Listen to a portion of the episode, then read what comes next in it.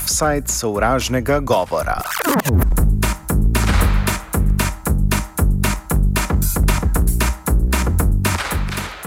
Svet za odziv na sovražni govor, ki je nastal v okviru projekta z odgovorom na sovražni govor pod okriljem Mirovnega inštituta, je v prvem mesecu delovanja prejel in obravnaval pet primerov sovražnega govora.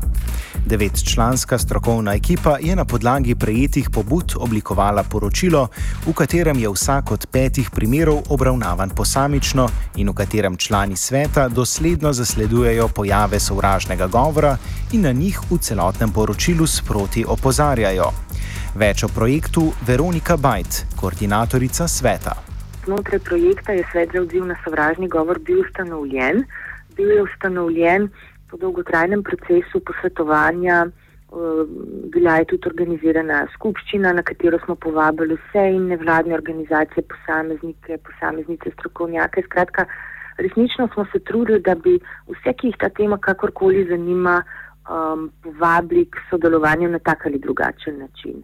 Uh, in, in tudi, ko smo nabirali predloge za sestavo članstva tega sveta, smo skušali biti kar se da vključujoči. Um, Svet sam zdaj je sicer ustanovljen v okviru tega projekta, ampak ideja je, da bi deloval lahko dolgoročno, da bi lahko deloval kot neko tisto posvetovalno telo, ki na dolgi rok je sposobno nekako vsaj nekaj teh premišljenih odzivov v javnosti tudi podati. Ne? Da se o tej temi čim več govori, skratka, naš namen ni povečanje neke kazenske represije, to seveda tudi niso naše pristojnosti, ampak da se o teh pojavih čim več govori, da se opozarja na njih in da se čim več pogovarjamo, skratka, z odgovorom na sovražni govor.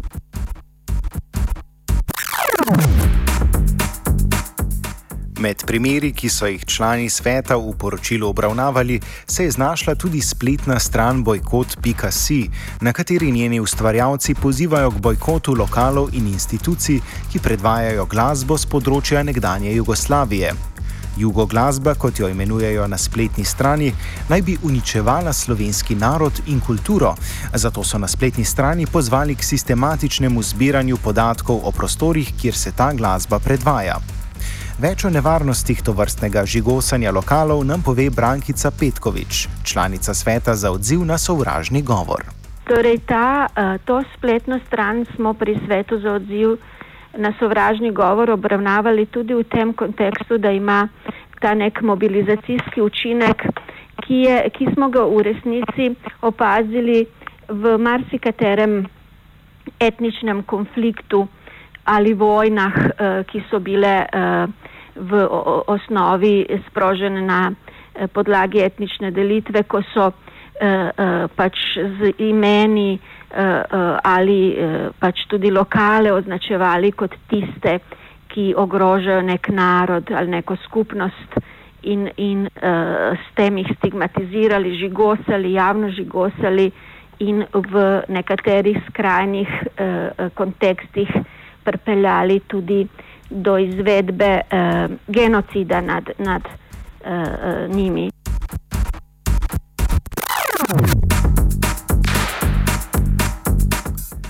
Petkovič povdari, da imajo to vrstne pobude za bojkot točno določene tuje glasbene produkcije tudi močno institucionalno podporo v nekaterih političnih strankah. Na problematiko slovenske zakonodaje na medijskem področju opozori v luči nedavnega predloga Slovenske demokratske stranke, ki si je prizadevala za ponovno zvišanje kvot slovenske glasbe na radijskih in televizijskih programih. Kot pravi Petkovič, se taki in podobni poskusi spremembe zakonodaje pojavljajo prav v zvezi z negativnim odnosom določenih političnih akterjev do glasbe z področja bivše skupne države v tem smislu je razglašati uh, potrebo po bojkotu uh, uh, neke glasbe, ki se jo tudi zaznamuje z uh, pridevnikom jugoglasba, pri čem se tradicionalno v slovenski javni govorici, javnem prostoru to šteje za nekaj, kar je južno-balkansko nazadnjaško, je uh, nekaj, kar, kar ne, ne, ne more biti uh, spremljivo in kar je v, v resnici uperjeno zoper uh, uh, manjšino v Sloveniji, ki nima uh, teh vzvodov, vključno s temi močnimi strankarskimi vzvodi, ki jih imajo zagovorniki te spletne strani.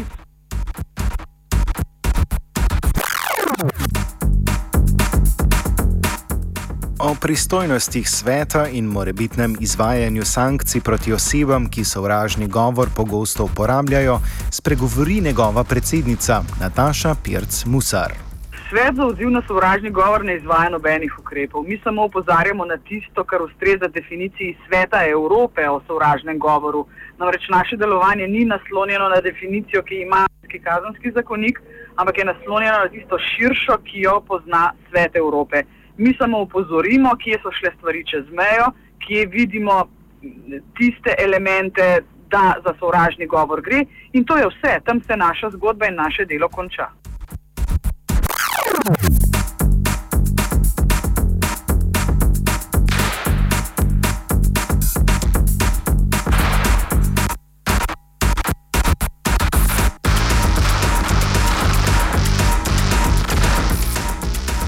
Svet se ne bo ukvarjal s pojavom sovražnega govora na socialnih omrežjih in z anonimnimi komentarji, temveč. Mi se bomo fokusirali na sovražni govor, ki izvira iz definicije sveta Evrope, na tiste, ki imajo neko družbeno moč, neko pozicijo v družbi ali na neke bolj institucionalizirane javne objave.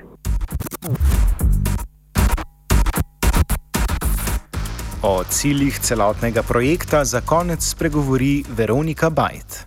Srednji glavni cilj projekta je seznaniti javnost v Sloveniji s problematiko sovražnega govorja in nujnostjo odzivanja oziroma nujnostjo neke ničelne tolerance do tega pojava. Eh, hkrati želimo senzibilizirati uh, ključne akterje na tem področju in, kot sem že rekla, povezati uh, tiste organizacije, posameznike, mreže, ki so se s tem nekako že dlje časa ukvarjale. Um, so bile mogoče malo atomizirane, oziroma da zdaj končno delujemo nekako skupaj in, in se povezujemo. Torej, poleg tega splošnega cilja, ki je, kot sem rekla, že prej tudi um, prispevati k polnomočenju urenljivih skupin in spodbujati nekako aktivacijo civilne družbe oziroma um, družbe nasploh, um, je pa nekako imamo specifične cilje, ki so, eh, kot sem rekla, ne, poleg vzpostavitve tega sveta za odziv na sovražni govor, ki zdaj deluje neodvisno, eh, tudi oblikovanje partnerstva. Še zlasti tukaj je povdarek, da tudi skušamo iskati povezave z državnimi institucijami in sicer na lokalni, regionalni in nacionalni ravni. Ne. In da pravzaprav skozi neko to osveščanje, treninge, posvete, mreženje opremimo različne. Um, ko bi rekla, akterje no, s temi kompetencami, znanjem, z uporabnimi urodji za nekakšno prepoznavanje in tudi ukrepanje proti pojavom sovražnega govora.